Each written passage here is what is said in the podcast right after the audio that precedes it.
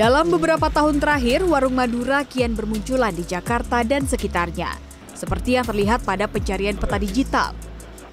Jika umumnya toko tutup di malam hari, warung-warung kelontong tersebut justru buka selama 24 jam setiap harinya. Ada banyak cara untuk mencari rezeki di kota-kota besar. Tidak hanya pada pagi atau siang hari saja, namun hingga larut malam. Seperti yang dilakukan oleh Warung Madura yang buka hingga 24 jam yang ada di Jakarta dan sekitarnya. Agar dapat beroperasi hingga 24 jam, salah satu warung Madura di Mampang Perapatan Jakarta Selatan menerapkan shift atau waktu kerja bergilir. Penjual Alfian mengatakan, setiap hari ia harus membagi dua shift kerja dengan rekan kerjanya. Mereka berdua dipercaya oleh pemilik warung sesama warga asal Sumeneb, Madura, Jawa Timur untuk mengelola sekaligus tinggal di warung yang telah berdiri selama dua tahun tersebut. Shiftnya kalau saya dari pagi sampai maghrib, itu teman saya dari maghrib sampai pagi gitu nggak ada libur-liburan kalau warung Madura 20 24 jam kecuali kiamat baru Seperti warung kelontong pada umumnya, warung ini menjual kebutuhan sehari-hari, mulai dari sembako, air mineral, camilan, hingga berbagai produk sasetan.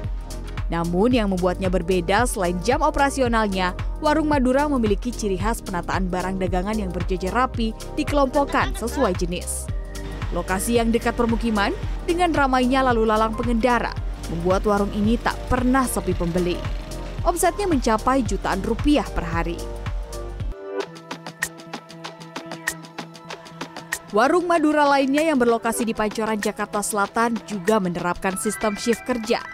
Namun pembagiannya lebih fleksibel karena dikelola oleh sepasang suami istri. Pasangan asal Sumeneb, Madura, Jawa Timur ini telah mengelola warung ini selama setahun terakhir.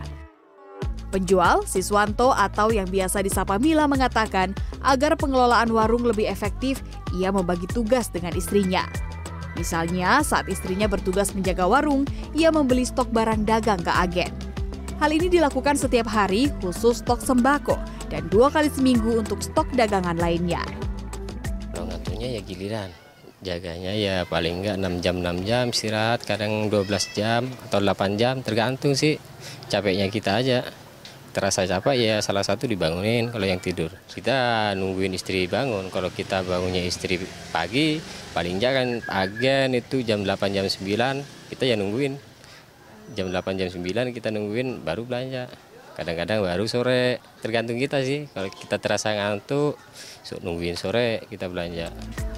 Menurut Siswanto, kondisi malam hari di Jakarta cukup ramai sehingga tetap mendatangkan peluang pembeli. Omset dalam sehari mencapai lebih dari satu juta rupiah. Terkait kendala, selain harga sembako yang melonjak, ia mengaku tak merasa keberatan membuka warung selama 24 jam. Keberadaan warung yang tetap buka pada malam hari ini dirasa cukup bermanfaat bagi pembeli, terutama bagi warga sekitar. Selain itu, harganya pun relatif sama dengan warung kelontong lain. Uh, merasa sih biasanya kan kalau kita malam tuh lapar ya namanya? Lapar gitu pengen nyari cemilan malam malam belajar kan? Pengen nyari cemilan kita keluar malam ada warung 44 jam terbantu banget kitanya.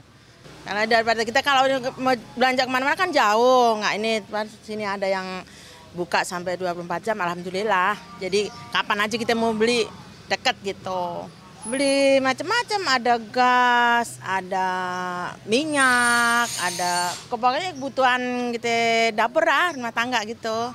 Ya kadang kalau lagi sip malam kadang kalau lapar bisa beli makanan sama beli air putih paling.